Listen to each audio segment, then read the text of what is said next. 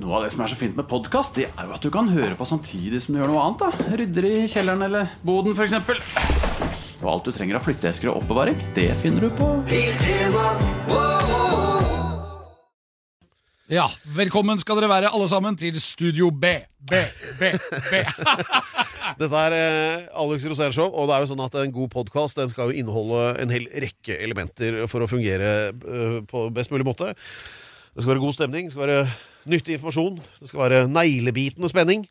Uh, sjokkerende avsløringer, og aller helst en god del hjertevarme, da. Og ja, jeg vet ikke, jeg, det har jeg lest, nemlig. Alex, hvor mange av de punktene tror du vi kommer til å levere på i dag? Når det kommer til hjertevarme, så vil jeg føle at Jeg, Nei, jeg setter en strek over den allerede nå.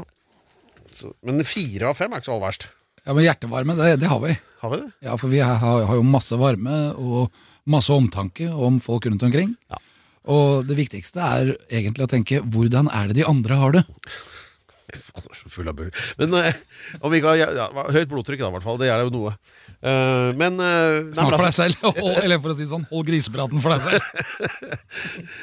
Nå eh, er det sånn at vi får uh, aldeles prima og storflott eh, besøk, og hvorfor alle disse folka gidder å komme hit, det skjønner ikke jeg, men eh, det gjør de. Og i dag så Får gleder vi oss eh, mer enn vi pleier. Mest fantastiske personlighetene i norsk eh, underholdningsliv. Ja, hun er som en sånn eh, liten sånn nyttårsrakett, sånn Ja. humørmessig, på alle. Og nå har du avslørt at det er en kvinne, Ja, jeg har det. Og hun har til og med barn. en sånn tvekjønnet, da. Hun har til og med barn, og, men hun har ikke kjæreste. Nei. Det lurer jeg på. Hva er det som har skjedd? Ja, men- Eller her er det noe som ikke har skjedd, da. Har hun vært i Kjøben? Nei, men altså, det, du vet det Ja, Man skal jo ikke gå i detaljer på det uten å vite noe, men Nei, eh, men vi skal stille i hvert fall mange spørsmål. Det er mye vi lurer på. ja, det, det er det. Og gjesten er kanskje det mest hysteriske av alle kvinnemennesker jeg noensinne har sett. Ja, Mest nevrotisk på scene og skjerm, men eh, absolutt ikke det i det virkelige liv. Så helt motsatt av deg, faktisk. Ja, fant, men er fantastisk morsom. Ja, Det vil jeg absolutt si. Og eh, da Mine snakker damer og vi herrer. naturligvis om Linn. Skåber. Yes! Ja, og Hun kommer hit om, eh, om litt, og i mellomtida så skal vi eh, Jeg tror jeg tar en til som kaffe av den typen du lagde. Hva var det du hadde oppi der, egentlig? Ja, det var en liten en. Det var det, ja. så liten var det ikke. Ingenting som er som en liten en. Nei, sant det. Liten og kjapp. Sprit på henda, sprit i magen. Alex Rosén Show. En podkast fra Radio Rock. Babra, babra, babra, ba. Ja, det var bra, for jeg skulle egentlig foreslå en fanfare, for det skal være litt sånn høytidelig. Og jeg vil jo også si at velværet her inne har gått opp med 28,4 for nå har vi fått besøk av det mennesket som er best likt i hele Norge, og det standy jeg før. Det er sånn det er. Og du skal jo egentlig gjøre denne introduksjonen da, Alex. Ja, det skal jeg gjøre. På med fløyelsjakka nå. Ja, hun har masse TV-serier om frustrerte kvinnfolk. Stort sett veldig frustrerte. Det var- Hun har vært i, nå må du være stille, det er ikke min. Det er ikke du som introduserer. Nytt på nytt. Hun har vært i Nytt på nytt. Hun har hatt show med Cecilie Steinmann Næss og Hege Skøyen. Hun har hatt en, en serie som heter Hjerte til hjerte, og hun har også skrevet en bok om det. Uh, og så uh, Hun er ikke psycho. Men hun har vært dommer i Norske Talenter, og det har jeg òg. Mine damer og herrer, hun er her, hun. Hun er Norges mest likte komiker og menneske. Og det er Linn Skåber! Ja ja, Oi, oi, oi, for en intro. Takk. Jeg, tror, er- jeg tror du på et eller annet tidspunkt inni der eh, trodde at du rimte. Stemmer det? For det gjorde du ikke. Nei, nei, det var ikke skrevet som rim. Nei, det var bra, for du trodde ikke Psycho rimte, Nei, rimte men- på det foran. Hege Skøyen. Du leste det liksom som et dikt som skulle ha rim. Ja, men det, var, det er som et dikt, men det blir et veldig moderne dikt. Ja, jeg, Altså, det var- var veldig flott, Det altså. hadde vært moderne på 70-tallet, men det er faktisk moderne ennå. Ja, jeg, jeg, jeg hørte ikke mer enn to feil heller, men det skal jeg ikke rette Nei, men jeg, jeg, Var det hjerte til hjerte? Jeg har ikke skrevet noen bok om det. Ja, men Du skrev bok om følelser, eller? Nei, det var bare tull. Jeg liksom lagde en bok i den serien, liksom, at jeg skulle lage en bok. Men jeg lagde ikke den på ordentlig. ordentlig. ja, nei. Så Det den ble tull. aldri noe? Nei, liksom, da. For du var sånn forlagskvinne. Ja, ja, men du har skrevet, du har skrevet diktsamling med pornografiske dikt. Det har jeg gjort. Ja. Ja. og så har jeg eh, skrevet det til ungdommen, da. Så jeg har skrevet bøker, ja. Ja, akkurat det, som, det har jeg eh, skrevet lenger ned, men så kunne jeg ikke ha så lang intro. Nei, men jeg For du har var- gjort veldig mye. Ja, jeg har- jeg har blitt gammel, vet du. Og jeg tror du er den eneste som er sånn formelt utdannet skuespiller som har vært her også. For du, du Ja. har gått Teaterhøgskolen, ikke Det sant? har jeg, ass. Ja. Jeg brukte veldig lang tid på å komme inn. Jeg, brukte, jeg søkte fem ganger. ja, men det er jo vanlig. Ja. Men skulle du da egentlig jobbet på et teater? Eh, Nå? Ja. Jeg, jeg har gjort det òg, ja. Jeg har spilt, eh, jeg har spilt eh, Siste jeg spilte, var 'Sporvogn til Begjær'. Å, så fantastisk. Var du en dame? En deilig dame. Ja, det spilte jeg på Oslo Nye nå. så- Hvem var Marlon Brando? da? Ah, Jøgge? Å, herlig. Ja. Sto han sto han ropte Jørgen? Blanche! Ja, ja, ja. Blanche! Nei, han roper ikke det, han, man roper Stella. Oh, ja. Fordi Blanche er hun som kommer inn, hun søstera fra sida som er litt eh, crazy. Mens eh, han er gift med Stella, og det er Stella! Han Han sånn For jeg likte egentlig Blanche best der, i filmen. Ja, hun er, ja, den er veldig gøy å spille. Mm, Og den var ganske Men spiller du andre folk enn deg selv? Ja, Ja, du gjør det. ja jeg gjør det. Ja, du- du det er utdannelsen min, så jeg kan være Det andre. er, sånn det, er. det er det som er skuespill, skjønner du, Alex. Ja, jeg vet, jeg vet jo det, men jeg, bare, jeg tenker for at jeg, veldig ofte så føler jeg at du er så ekte, på en måte. Men, men det er spennende at du spør om det, altså, men jeg prøver jo um, uh, Det er jo sånn som du er skuespiller, hvis jeg skal snakke sånn skuespillerspråk, da. Så alt skal jo komme innenfra, ikke sant. Så man jobber jo med den karakteren. Så det er ofte ikke sånn eh, at man setter på seg noe utafor, man jobber jo med den man er. Og tilføre det til karakteren, da, hvis du skjønner. Ja. Men Blanche var litt vanskelig for meg, det må jeg virkelig si, for den var tricky. Fordi hun er så forfinet. Ja. Som veldig ut i fingerspissene, og det er som det som er hele fasaden, at hun er så innmari fin. Og bakom Og da, synger jeg, da må jeg glemme Oppsal-jenta. Ja. Da må Oppsal veldig langt baki der, altså. Jeg Jeg fikk, trodde, jeg trodde Oppsal hadde blitt sånn skikkelig flott, det òg. Ja, det kan godt være, altså, men liksom meg da, som er derfra, og sånn østkantjente, så da jobber jeg jo selvfølgelig med alt fra å kutte ut A-endelser til, å- til å rette meg opp i ryggen. Men de, de fleste kjenner jo deg via eh, tull og tøys og moro og, Ja. og, og sånn. Eh, men på et eller annet tidspunkt så hadde du sikkert en uh, oppfattelse om at din karriere skulle være ordentlig skuespill.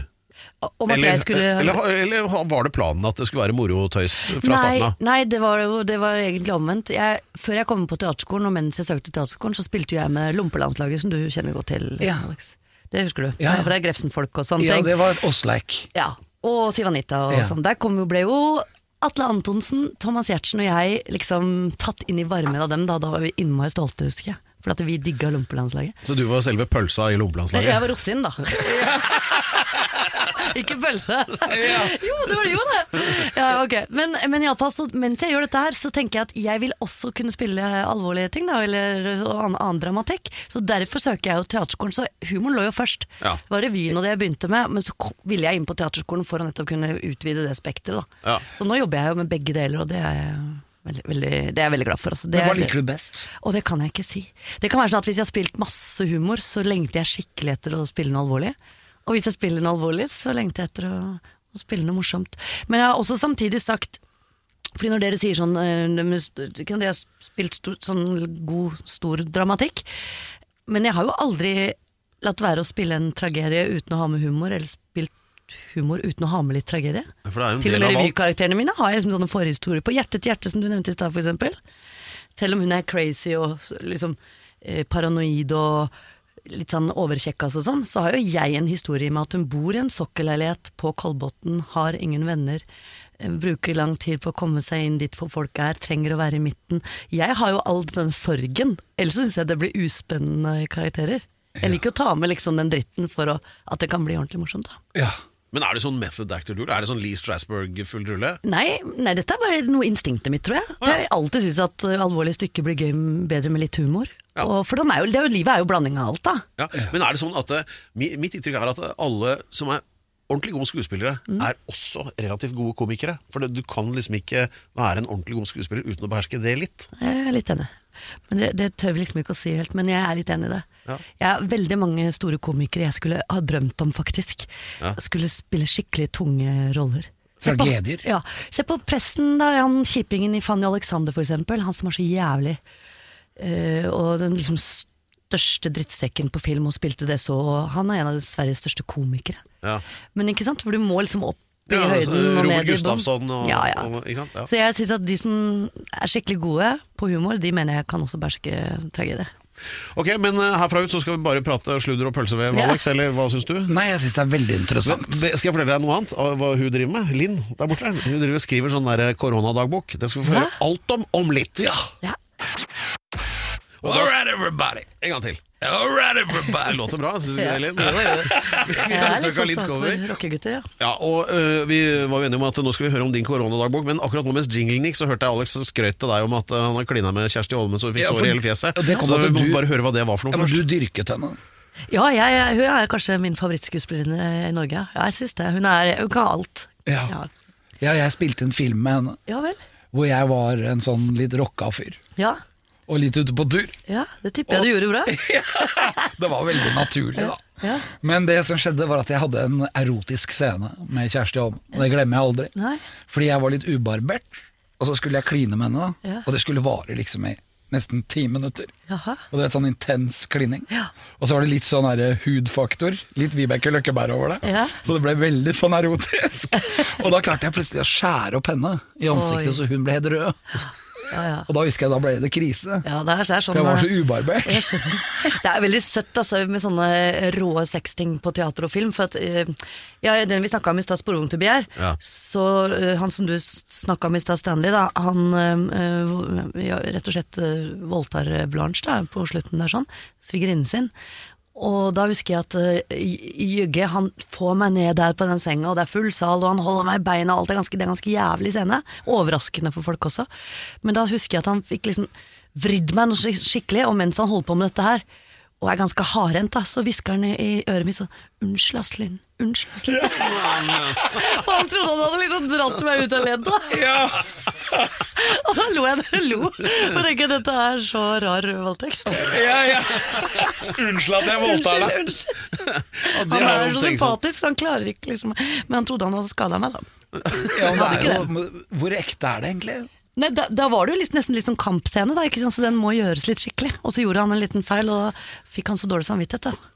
Så mens han lå sånn og jokka, så var det unnskyld, unnskyld, ass. Det var da usedvanlig sympatisk. Ja, jeg synes det. Men du, som, som annonsert her nå, vi er jo midt oppi eh, altså denne day after-greia vår med korona og det hele. Og du har altså, hørte vi da, Ja. satte i gang med Er det et bokprosjekt? 30 dager i, Ja, koronaens tid, eller noe Ja, heter bare ikke koronaens tid. Den har vi droppa, for den sier man overalt. Nei, den heter 30 dager i april. Du, det var rett og slett at jeg fikk en idé fordi jeg tror jeg hørte på Nitimen eller noe, at noen liksom begynte å snakke om noe sånt som at Jeg tror det var Trond-Viggo som sa noe sånt som at liksom Og disse dagene går bare av gårde, og vi snakker om hvor rare de er he hele tida alle sammen, men det er som ingen som beskriver det ordentlig. Så tenkte jeg sånn, fader, en dagbok fra denne måneden som er så viktig og så rar i manges liv, da. Så jeg bestemte meg for at det hadde vært kult å høre beskrivelser fra hver enkelt dag. Så jeg kontakta masse forfattere, og alle typer mennesker egentlig. Begynte egentlig med forfatteren, men så tenkte jeg det er litt gøy med vanlige folk også. Så alt fra liksom Vigdis Hjorth, Anne B. Ragde, Jan Kjærstad, eh, til eh, Petter Uteligger, eh, en som har vært eh, koronasmitta og mista pappaen sin i koronasmitte. Og eh, en frisør som måtte permittere alle sine ansatte. Liksom disse dagene så har de fått en dag hver, da. Så de har fått akkurat den dagen. Så for eksempel Aha. fikk Harald Stanghelle da han fikk den siste dagen. Og da måtte han levere innen tre dager fordi den gikk i trykken. Så den kom jo nå. Så det er veldig sånn en slags dokumentasjon på den tida vi Yes, har vært igjennom, da. Ja, det må jeg si. Det er altså, spennende. Det Ja, jeg er synes sånn det. skikkelig sånn tidsbilde. Jeg syns det, og så var det veldig sånn Hva skal jeg si, Art by accident passer vel ikke til eh, denne tida, men likevel er det litt det. For det var, jo- april var veldig sånn d- Den kommer nesten til å være sånn vakuumaktig for oss alle. da Vi var litt fjerne, og det kom litt som et sjokk. Og så er det greit å høre hva andre har opplevd akkurat de dagene. Og så har jeg også tatt inn nyheter fra akkurat den dagen. Ja. Alt fra liksom store hendelser til at uh, en som heter Johannes ble to år i Harstad. Altså, du vet, så Han prøver å lime disse dagene Men til du- akkurat den, eller disse nyhetene til akkurat den dagen. Da. Hvis jeg får lov å spørre, Da du kom inn her, så la jeg merke til at du hadde et meget forsiktig kroppsspråk og unngikk alle med størst mulig radius, direkte på antibac-en og Ja. godt marinert. Ja. og eh, er du bekymret altså, det, Nå er det jo sånn at eh, enkelte sier jo nå at eh, det kan jo være at svenskene gjorde det rette og bare få, få, fått unna denne bråtebrannen av virusen, mens vi kommer til å få mange bølger til. Er du sånn, eh, sånn der, litt sånn dommedagsperspektiv på dette? Nei, jeg er tror du ikke vi er det. gjennom det, eller Ja, hva tror hva tror jeg? Uh, eh, nei, jeg? Jeg husker at jeg blir aldri så innmari redd for sånne ting, egentlig. Nei. Men jeg husker at jeg helt i begynnelsen kunne våkne om natta og synes at dette var innmari uvirkelig, med litt sånn angstfølelse. Som ikke jeg pleier å ha, for jeg er ikke noen sånn særlig sånn hypokonderaktig type. Men jeg tror vi alle fikk litt sånn Ble litt overraska over redsel. Ja. på at dette faktisk skjedde, og at jeg så på trikken, for trikken går rett utafor hos meg, da. Og den pleier alltid å sitte i vinduet og titte ned på folk og sånn, og så var den helt tom. Det var sånn dommedagsfølelse rundt omkring. Men er det ikke litt sånn, jeg har tenkt på det litt sånn at sånn som barn opplever det når de for første gang ser foreldrene sine er veldig alvorlige. Ja. At nå har det Ja. skjedd noe. Ikke sant? Så husker man egentlig bare det at foreldrene var så alvorlige. Ja. Og denne gangen, da, 13. mars, da Erna med Ja. fler står der og nå trekker vi pluggen, nå er det alvor. Er. Så er det liksom det som gjør så inntrykk. Altså, Det er jo influensa, liksom. Ja, og så ble det også veldig mange personligheter som kom fram, det har jeg egentlig lyst til å skrive litt mer om, men man så liksom sånn plutselig folk som inntok det koronapolitiet eh, som ble best i korona. De, Jeg må bare de rette fikk vi. Per. Ja. Det er ikke influensa, altså. Nei, det sa du i er- stad, Alex. Ja, det er et RDA-virus. Mm. Det er noe helt annet. Rapid Mm. Death eh, Association? Ja, det blir omtrent det. Okay. Det er- går på DNA-et ditt. Så det, vi vet ikke helt hva det er. Så ingen, altså, ingen har hatt det før. Men du er jo hypokonder òg, husk å ta Ja, jeg, jeg tok jo unga ut to dager før eh, staten gjorde det.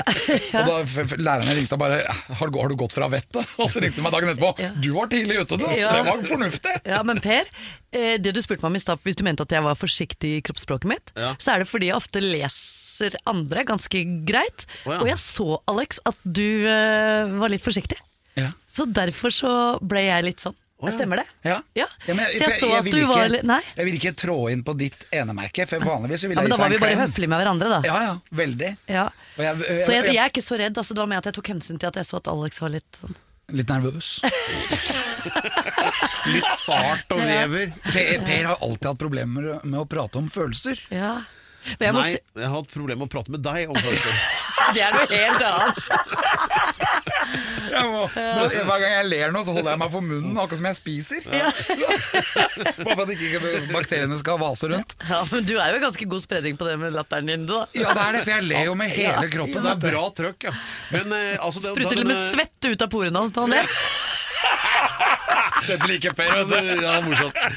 Men altså da, denne boken, 30 dager i april, Ja. det, som allerede er i trykken Ja, den er vel det, altså, jeg har aldri omtrent lagd. på vei til bokhandelen nå, da? Eller? Ja, den er nesten det. Altså, det, er, det går skikkelig fort. Så det er, Når- de har ikke lagd noe så stort. Men hvilken dag går den mest sinnssyke? Oi, hva kan, det veit jo ikke jeg, for at de beskriver det på hver sin måte, disse folka, men eh, mm, ja, i- det, eh, Vigdis Hjorth beskriver det på en fin måte uten å beskrive det, men eh, eh, hun for eksempel forteller om at hun legger seg inn på et helt tomt hotell, og bare det å se det bildet vil jo si at det er noe feil med tiden vi lever i. Det, altså, det var noe helt absurd som skjedde, liksom. Fordi hun fikk et rom, da. Som var desinfisert og alle sånne ting. Men bare ved å si det, så skjønner du at dette her var ikke i fjor, for å si det sånn. Det var akkurat nå. Ja. For ellers så hadde jo dette hotellet vært fullt. Så nei, folk har sånne fine beskrivelser av eh, alle ting, samtidig som du kjenner at alle har litt av den klausen som de ikke helt klarer å beskrive. Ja, jeg syns det viktigste med denne tida, sånn som jeg ser det, er eh, i begynnelsen så skulle ja, du så Dagbladet skulle ta bilde av Grünerløkka og se hvor eh, liksom tett folk står, og folk kom inn og liksom, å, det står for altfor tett på meg på butikken og sånne ting. Mens når jeg gikk ut på gata, så var det sånn Jeg bare syntes at hele Norge var så sympatisk. Hvert eneste menneske jeg møtte, gikk lang runde unna meg. Unna meg. Vi, folk tok hensyn. Jeg ser folk vasker seg med sprit hele tiden. Jeg syns dette er bare- veldig rørende. Og en av de som skriver i boka, øh, som er en som har kreft, og som er jo virkelig i risikogruppen, hun er jo det som roser Norge mest, og den sier så søtt. For et land jeg lever i. Så fantastisk at folk tar så mye hensyn. Ja, Flinke deilig. vi har vært. Jeg syns det er viktig å si, da, for jeg tror at man kommer langt videre med den rosen enn med den der kjipe smakken på nesa hele tida. Ja, dette er eh, Alex Rosénshow, det kan vi se av de lange eh, iskremkøene. Og uh, Linn Skåber er dagens høyt ærede gjest, og uh, tilkjennega et ønske om å snakke litt mer om dyr. Og da syns jeg du Alex kan stille henne et fornuftig og velbegrunnet spørsmål om dyr. Jeg gjør det. Ja, Da tenker jeg mest på min egen hund, da, som ikke tar meg seriøst, ifølge en sånn hundehvisker. Er det sant? Ja, så den tar ikke meg seriøst. Sa underviskeren det, at ikke, han tok ikke imot beskjed, han bare himler med øynene? Ja, da tenker jeg bare hvorfor det, liksom? Ja, Men eh, er den uoppdragen? Nei, den er Nei. veldig snill, og det er en pike, hun heter Happy. Ja. Men, øh, og Happy Men hvis du liker sier ikke kom, så er det ikke noe kom? Eller da kommer hun ikke? Ikke hvis den, hun er ute, nei. Nei. For da er hun hypp på å være ute. Men hvis jeg f.eks. har en baconskive i hånda, Ja. da kommer hun med en gang. Ja, Samme som med han der kule bikkja på den bølle og bestevenn. Ja. Som bare vil ha fôr. Som vil bare på Rema 1000. Ja. Ja, den der, Vi bare sveier ned til Rema 1000, for da veit han at han får pølse. ja, den hunden som var større enn bilen, ikke Ja. sant? Ja, Ja, det var altså så det kult. herlig. Ja, den bare gjorde ingenting. Da. Nei, Men nei. jeg var veldig fortvilt over at hunden ikke tar meg seriøst. Men hvorfor kontakta du hundehviskeren i utgangspunktet? Fordi vi skulle lage en sånn TV-reportasje Ja, om hundehviskeren. ja, Og da tenkte jeg ja, jeg har jo en hund. ja. Og så sa han liksom med en gang, når han så hunden, så var han Denne hunden liker ikke kattemat. Og det er, for den stjeler kattemat. For jeg har oh, ja. to katter også. Ja. Og hver gang jeg gir kattene mat, så kommer bikkja og spiser maten deres. ja, men den liker ikke? Nei, den liker ikke kattemat. så Den bikkja er sur for at du setter frem kattemat til den. Å, Vil ikke ha det. Nei. Ja, men den er jo ikke til henne. Nei. Den er jo til kattene. Ja. Men, uh, det, Men det skjønte ikke bikkja. Bikkja mener at det er på pur faen. Så gir vi dem bikkja kattemat. og da, jeg satt jo seriøst og hørte på dette. Da. Ja, ja. Og, og av at den får kattemat så mye, så tar den ikke meg seriøst. Nei, og det er spennende. Eh, jeg, bare, jeg skulle ønske det var noe som het hundeskriker. Det er mye morsommere. Ikke hundeskriker, Dyre, dyreskriker. Jeg er det. Du er det. Ja, for jeg skriker, jeg blir forbanna, ikke sant? Vil du høre den der fantastiske dyrehistorien som jeg hørte her forleden? Jeg bare, sikkert en vandrehistorie, men det sier jeg ikke, for det, sånn begynner man ikke en historie. Men jeg hørte om en jente som eh, er oppvok var oppvokst med reptiler. Altså Moren og faren var så interessert i reptiler, så hun var liksom vant til å ha reptiler rundt seg. Slanger og alt mulig. Og så ble hun da den bestevennen fra hun var liten med denne svære eh, pytonslangen. Så det var liksom bestevennen hennes. Så når hun flytta for seg sjøl, så tok hun med seg den, for det var jo vennen.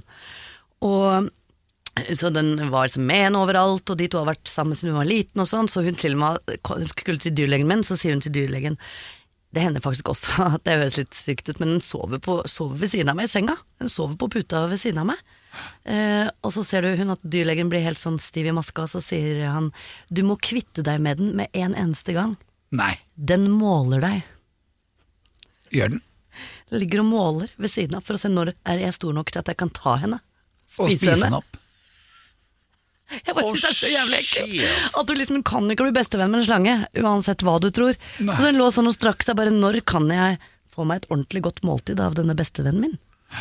ikke det litt ekkel historie? Jo, men det er sikkert sånn Insti slanger tenker, da. Ja, det er jo det. Jeg bare får litt grøsning av den historien. Det er for at vi liksom ikke kan ikke styre det instinktet, da. Men altså, Har du merka at kona di også kanskje ligger og strekker seg litt ved siden av deg? Ja. Jeg har Hun det. måler det. Ja. Når klarer jeg å ta den? Ja. Knekke den? ja, og jeg er sikker på at hun vil det. Ja. Pedro har enda mer problemer med det enn meg, altså. Ja, men jeg tenkte liksom det at En ting er jo at slangen er like lang, men den er jo ikke brei nok til å få liksom hele Jo, jo, har den tar en hjort. Ja, Den den tar en gjør det. hjort. Hva slags slange er dette her? Det, det, boa constrictor. Som kan løsne skjevene og alt dette her, da? Ja, ja, og så spiser de en hjort, og da behøver de ikke å spise med på et helt år. Nei. Nei. Hvordan skal Husker ikke vi slanger var i få til sånn der jævla gevir inn i kjeften? da? Det går jo ikke, det. Ja, men husker ikke, vi var i, Jo, geviret. Alt går i grisen. Ja. Eller i slangen. Og det som er greia er at når vi var i Afrika en gang, så fikk jo du beskjed om at du måtte slutte å gå i elveleie. For du gikk jo ned i elveleie hele tida. Du trodde det var en gate, men det var en uttørret elv. Oh, ja. Og der ligger slangen. For der kommer vannet først når det Ja, regner. ja. Og da skal den begynne å leve igjen. Vet du, for den ja. ligger der bare nede og fordøyer en hjort. Altså, det, Vi visste jo ikke det, så da fikk jo du masse kjeft. Jeg så du at den fordøyde en hjort? Nei, jeg så det ikke, men det, jeg, fikk jo, jeg har jo sett det på YouTube. Ja, det er jeg også, nemlig. Jeg vet egentlig bare én interessant ting om boa constrictor, og det er at det er det eneste dyret som har det samme navnet i dagligtale som på latin.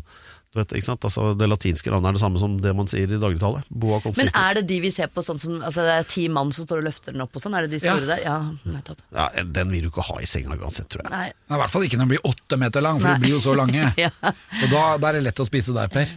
Du er bare 1,50. 1,60 da. Men eh, det fortalte jeg på lyst til å Du er 1,55. hater å bli fleipa med høyden. Men du er jo ikke så liten, du, da. Nei, Du er ganske høy, er du ikke det? Altså Du prøver å finne nye måter å yppe på, det, det, det klarer du faen meg. det er Overraskende. Den var ganske dårlig. Altså Når du tar meg på høyden og ikke bredden, da skjønner jeg ikke hva, Da følger du ikke helt med. Nei, nei, jeg vet. Du er en god gutt da, Per. Er Hva er det farligste dyret du har møtt, Alex? Oi. Det må jo være isbjørn, vel? Nei. Er ikke det? Jeg tror det farligste dyret jeg har møtt, det er verdens giftigste slange. Å ja vel. Er det de som fyker langs veggene? Nei, de er bitte små, så lever de i vann. Oh, ja. Og de er så store. Men hvis du blir bitt av den, så dør du i løpet av ett sekund. Oh, ja, og det har du de, sett? de er miniatyrtynne, og de kan bare bite deg to steder. I øreflippen Ja. og mellom tærne. Å, fy faen. Men når du dykker, Ja. så har du jo på deg svø- svømmeføtter. Ja. Og dykkermaska holder øra inntil hodet, så du kan bare leke med den. Men du ser at den har jo ikke noen fiender, for den er ikke redd noen ting. Nei. Så er den så, så stor, og så har den masse farver. Og hvor lever den, da? Den lever i Stillehavet, og veldig mye rundt Australia, og utover i Stillehavet der. Og jeg tror Kanskje den lever andre steder også, men det er verdens giftigste slange. Så den, men jeg var ikke noe redd den. Jeg bare så på den og rista litt på den. Men eh, det jeg egentlig er redd, da, det er eh, ingenting. Vil du vite hva det skumleste dyret jeg vet om er? Ja. Komodo varan. ja, de er jo heftige. Ja, har du sett det òg, eller? Eh, nei, men de, sånn de lever også i Stillehavet. De er, så, de, er så fæle, de er så fæle, de har så mye gift i munnen sin, for de er ikke så kjappe. Så hvis de f.eks. klarer å bite en eh, gnu, da, så klarer de ikke å De er ikke så kampflinke. Det de gjør da, de bare slipper dyret. Men det såret som de har gitt det dyret, blir så forgifta etter hvert, så de bare følger etter, Etter. dyret i flere uker, til det til slutt dør, og så spiser de det. Ja. Det er det mest usympatiske jeg har hørt. Bare går og ser på at dyret lider, og at de til slutt kan ta det. Fordi det er så mye gift i kjeften. Og så er de sånn slangetunge. Pedro, våkne opp. Vi hører eh, Alex Rosén og Linn Skåber forberede hverandre til eventyrstund her på Alex Rosén Show på Radio Rock. Og stikkordet for denne ukens historie fra Alex sitt mangslungne liv er Danmark gangen og rev. Hva er det jeg husker av det du sa? Hva sa du? Danmark og rev var vel det du nevnte. Rev, ja. Skagens rev. Nettopp. Skagen er jo på toppen av Danmark. Ja vel? Danmark er et land som ligger rett sør for oss, og det er bare sand. Så det er sand overalt, og det kommer fra Norge. På grunn av på istiden for 10 000-12 000 år siden, så ble alt sandet presset ut av Norge og lagt i Danmark. Ja, ja. Egentlig sånn, øh, rent teoretisk da. Og da ble det dytta opp så det ble et rev på slutten? Ja, Helt øverst så er det akkurat som en odde, akkurat som Nesodden, Ja. som stikker ut og opp. Og Derfor går havet forbi i strøm, og det, det lager sånn at Skagens rev det flytter litt på seg hele tiden. Oh, ja. Så noen ganger er det litt lenger mot øst, og andre ganger er det lenger mot vest. Hæ. Bare sånn. Sånn er det. Ja. Og derfor så er det sånne fyrbåter i Danmark ikke sant, som de kjører ut. Oh ja, fordi det flytter på seg? Ja, Så da må de flytte på fyret, men det står jo der, for det er jo murt fast. Ja. Så derfor må de putte en fyrbåt da, ved siden av, Er for nå har det flytta seg litt. Ja, og dette skjer flere steder i, i Danmark, men aller mest på Skagens rev. Ja. Og så hadde jeg, derfor jeg er jo veldig opptatt av rev og grunner, for jeg har jo seilt båter, ikke sant? så jeg seiler jo hele tiden. Og derfor så var jeg på, og jeg hadde hørt om en, en rute gjennom Skagens rev som fiskerne brukte. Men Skagens rev er 40 cm dyp. Oh, ja. Så det er jo ikke noe rute der. Nei, men, det, visste jo ikke jeg. Men jeg skulle absolutt seile på innsiden. Ikke Ja. sant? Ja, Vi ser hvor det går, da, vet du. Ja, Sier jeg men til 40 mannskapet. cm, det må, du, det må du se bunnen, da. Ja, Da ser du bunnen veldig godt, for Ja. at det er klart hav. Ja. Og så er det sand under. Ja. Så du får jo sånn Du får vannskorpen, Ja. og så får du den bunnen. Ja. Og vi kommer seilende, da. Så da er jeg med meg to kompiser, og vi seiler en pike og en kar. Og vi seiler nedover, og jeg har da kurs, og jeg skal inn der. Inn på Skagens rev. Idet vi har igjen kanskje to timer, eller tre timer, to timer igjen til Skagens rev, for dette her går jo treigt, ja. det er jo fem knop i en seilbåt, Ja. så kommer det den svære hvalen opp på siden av båten. Og, jo- og den var jo tre ganger, eller i hvert fall dobbelt så stor som båten. da Ja, men veldig flat, da, for det var bare 40 cm vann. Nei, men Vi hadde ikke kommet så langt, vi hadde to timer igjen før vi var på Skagens rev. Okay, okay. Så jeg ble bare veldig opptatt av den Ja, hvalen. For den lagde jo sånn knirkelyd. Sånn Når den kom oppover Ja. vannet, og jeg bare så de øynene, og, og den blåste sånn greie, og det ble jo sånn naturlig opplevelse. Ja. Så det var gåsehud med en gang. Og bare alle om bord bare wow! Og så glemte vi Skagens rev. Ja. For at vi, vi tenkte jo ikke på det. Nei, nei. Og så ser jeg ut over den hvalen, for jeg tenker jeg skal jo prøve å, å bli kjent med den på en måte. da Ja. Og så, så bøyer jeg meg over båten, og så ser jeg plutselig at hvalen bare forsvinner. Og den forsvinner jo fordi at nå begynner det å bli grunt. Ja. Og da plutselig så ser jeg bare hodet mitt. For at det, når, når, når det er sandbunn, Ja. så er det sånn at det er bølge etter bølge etter bølge. Så de sier at det sandbunnen Det blir bølger i sanden Ja, ja, av bølgene. Og da ser jeg hodet mitt går sånn Opp og ned. Opp og ned. Ja. Så jeg plutselig Hodet mitt er bare eh, tre meter under vann, og så er det én meter Oi. under vann. Og jeg, jeg tenker bare hva i all verden skjer her? For det, jeg visste jo ikke den, Jeg tenkte jo bare på den hvalen. Ja. Men det som er greia er at vi kommer da på grunnere og grunnere vann. Og idet jeg tenker ah, det er sandbunn! Ja. Jeg kommer jo bare på det oppi hodet! Og da bare, da bare ser jeg bare sånn derre Idet jeg tenker tanken, så Ja. går vi bare på, vet du. Med kjølen. Bang! Og da står du, da. Ja, og så er det jo tre meter bølger.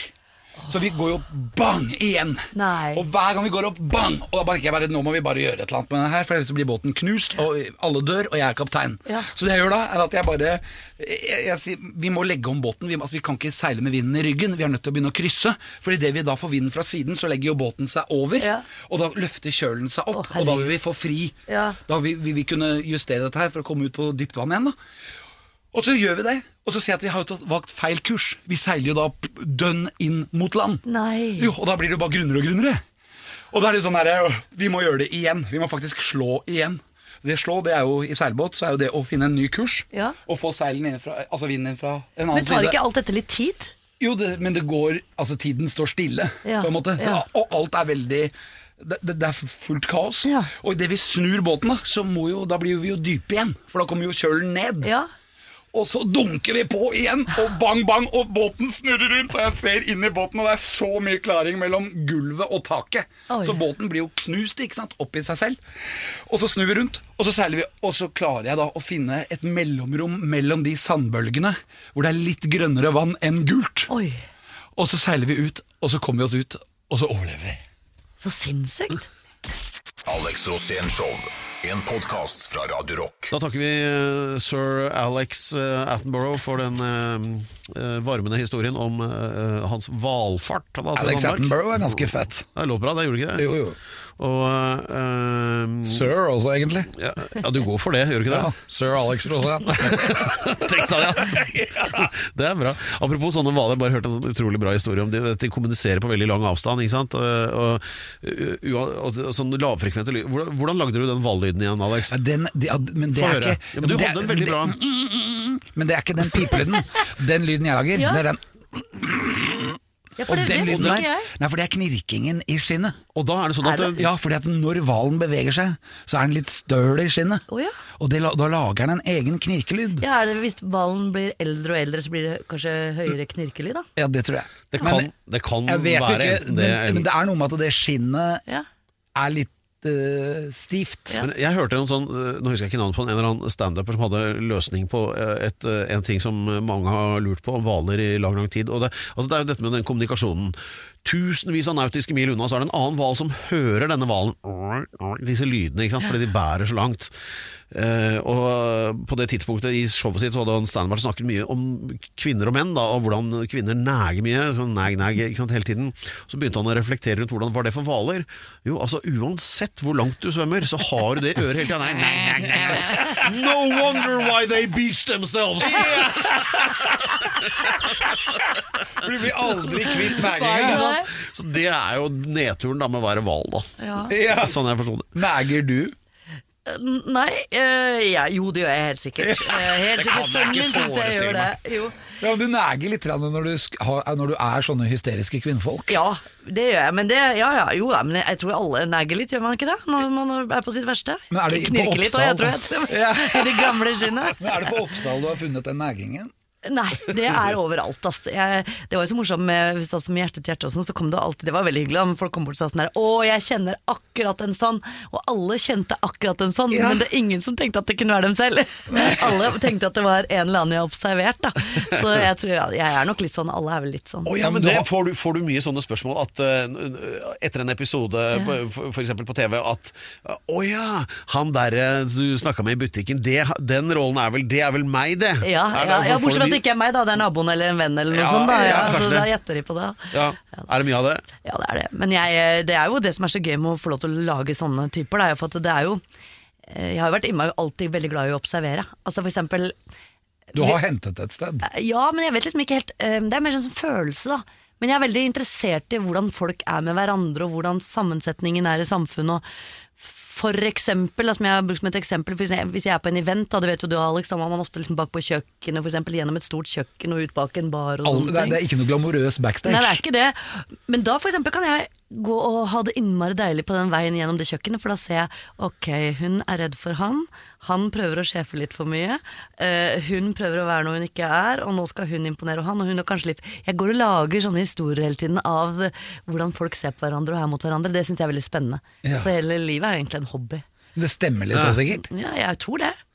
Og jeg, hvis jeg sitter på en kafé, så er det ikke sånn at jeg Går fra den kafeen uten å vite hvem som er der. Jeg vet hvem som er på alle bordene, og jeg har lagd litt historier om alle bordene. Der sitter en mor og datter, antageligvis. Der sitter et par, de er nok på en date, Tinder-date. Jeg har liksom oversikt over lokalet. Jeg har litt sånne følehorn ute. Men jeg liker ikke så godt å si det, fordi jeg vil ikke at folk skal vite det. Nei, nei, nei. Så ikke si det til noen. Altså, du er nysgjerrig, altså. Ja, jeg tror nok det er det som er grunn, grunnpilaren, ja. Ja, ja. Eh, spesielt med situasjoner og sånn. Og ikke ofte alltid sånn at liksom den karakteren Det er mer sånn situasjoner, for alle er jo, har jo vært alle litt. Alle har vært litt den som har prøvd å imponere noen gutter der, eller vært litt tøff her, eller ville være sjef der, eller jeg skal markere meg. Alle har jo alle følelsene i seg, på en måte. Ja, sånn, når du var på de, den første TV-serien din, da du en sånn da, da var du en figur hele tida. ja. Og hvor, hvor hentet du den? Ja, det er som jeg sier, alle disse situasjonene hvor jeg ser at folk blir usikre. Det, det som er interessant, var at øh, husker det var noe som analyserte i avisen liksom, at hun her må være psykopat og sånne ting. Ja. Eh, Eller i hvert fall jævlig slem og gæren og sånn. da Men så tenkte jeg det jeg hadde spilt, var bare en ekstrem usikkerhet. Og det ble litt sånn psykopatlignende. Så tenker jeg de som er så jævligste, er jo de som er mest usikre, antageligvis. Og vil imponere ethvert selskap de kommer inn i eller skal ja, Hvis jeg hadde kommet inn her nå og vært helt på toppen av verden, så er det fordi at jeg hadde vært usikker. Ja. Jeg tør jo slappe av med dere. Ja.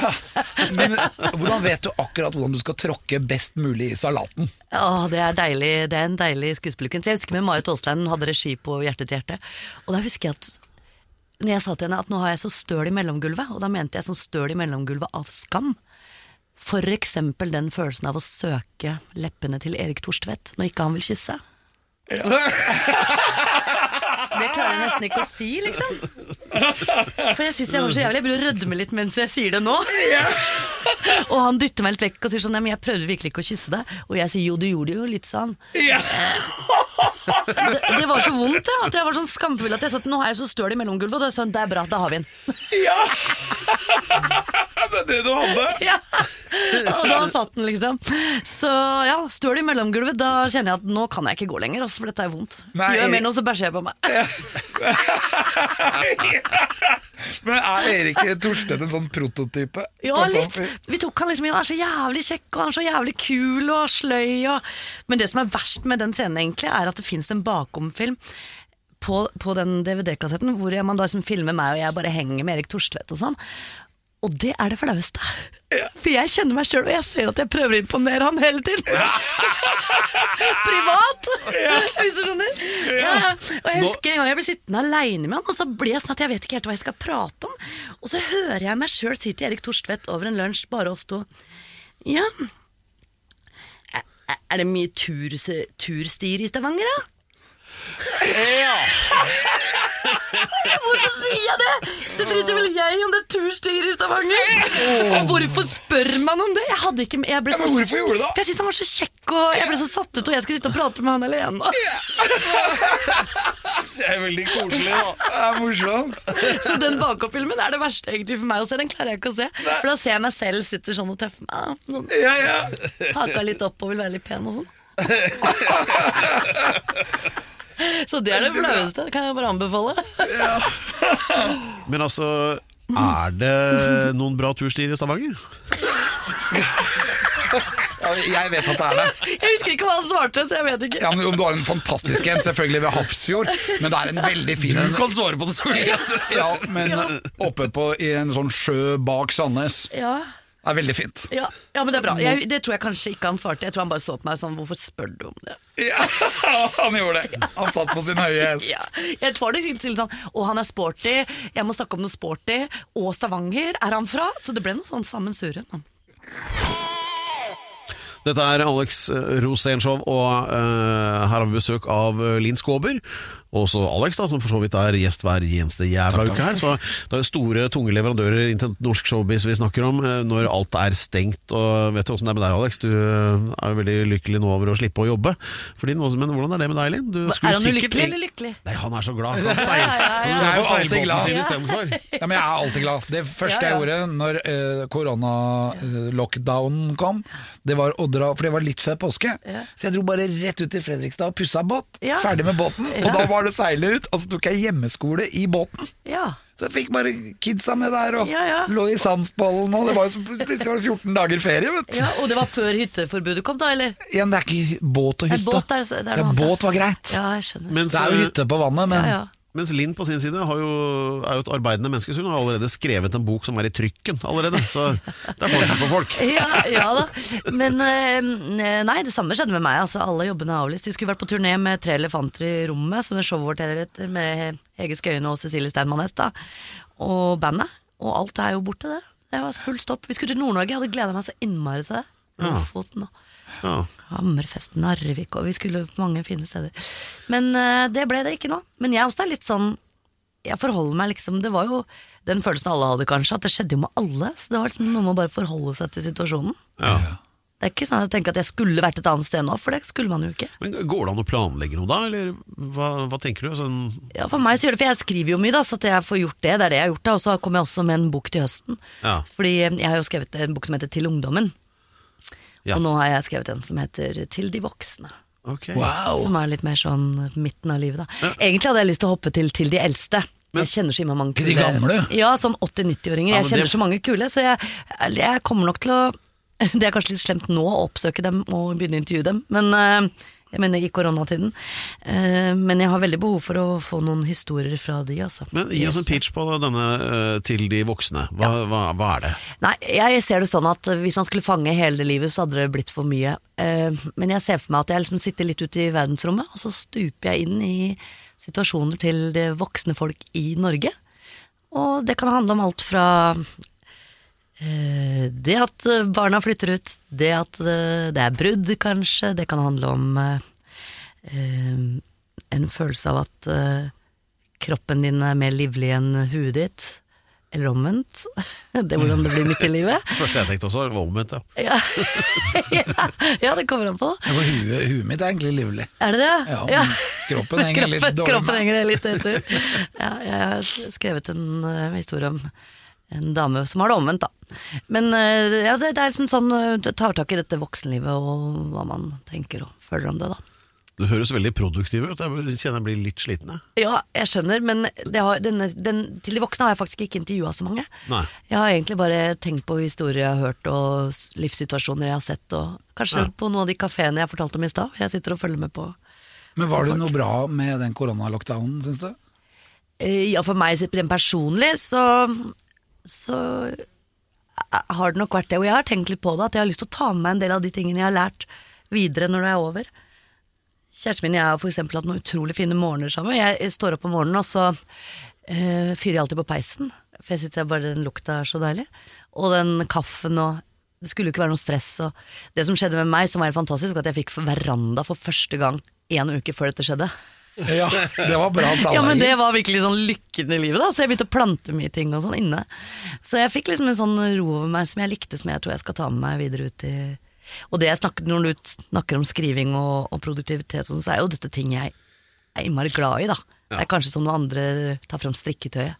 ja. ikke jeg å sitte og skrive, liksom. Jeg synes det, er, det synes jeg er veldig Og det hadde du jo ikke hatt tid til hvis du hadde vært på turné. Nei, jeg, jeg, bortsett fra at jeg skriver ganske mye på turné. Er ikke, er ikke du produktiv på turné? Jo, noen ganger, men Ja, hot, litt hotellresepsjoner og Ja, kafeer i ukjente litt. byer og sånn. Det syns jeg er litt koselig. Ja, men det, det er mye venting. Altså det er mye flying Ja, rundt. ja. Jeg pleier å finne meg noen eh, gode kafeer i, i fremmede byer og titte på nye folk. Og skrive. Ja. Det er ganske digg å ha med seg og, og kunne gjøre det. En hobby, da. Jeg føler alltid at jeg kommer frem, og så er det soundcheck, Ja. og så er det show, Ja. og så er jeg utslitt, Ja. og så må jeg sove, og så er det nytt fly dagen etterpå. Skal jeg si deg hvorfor ikke jeg har det sånn? Ja. Fordi jeg har blitt kjent med Hege Skøyen, som har turnert så mye i livet sitt at hun har satt opp uh, nye regler som, ikke jeg, som jeg trodde var helt bortkasta i begynnelsen. Hun sa det at uh, vi skal alltid komme dagen før vi spiller, eksempel. Det har vært min lykke på jord.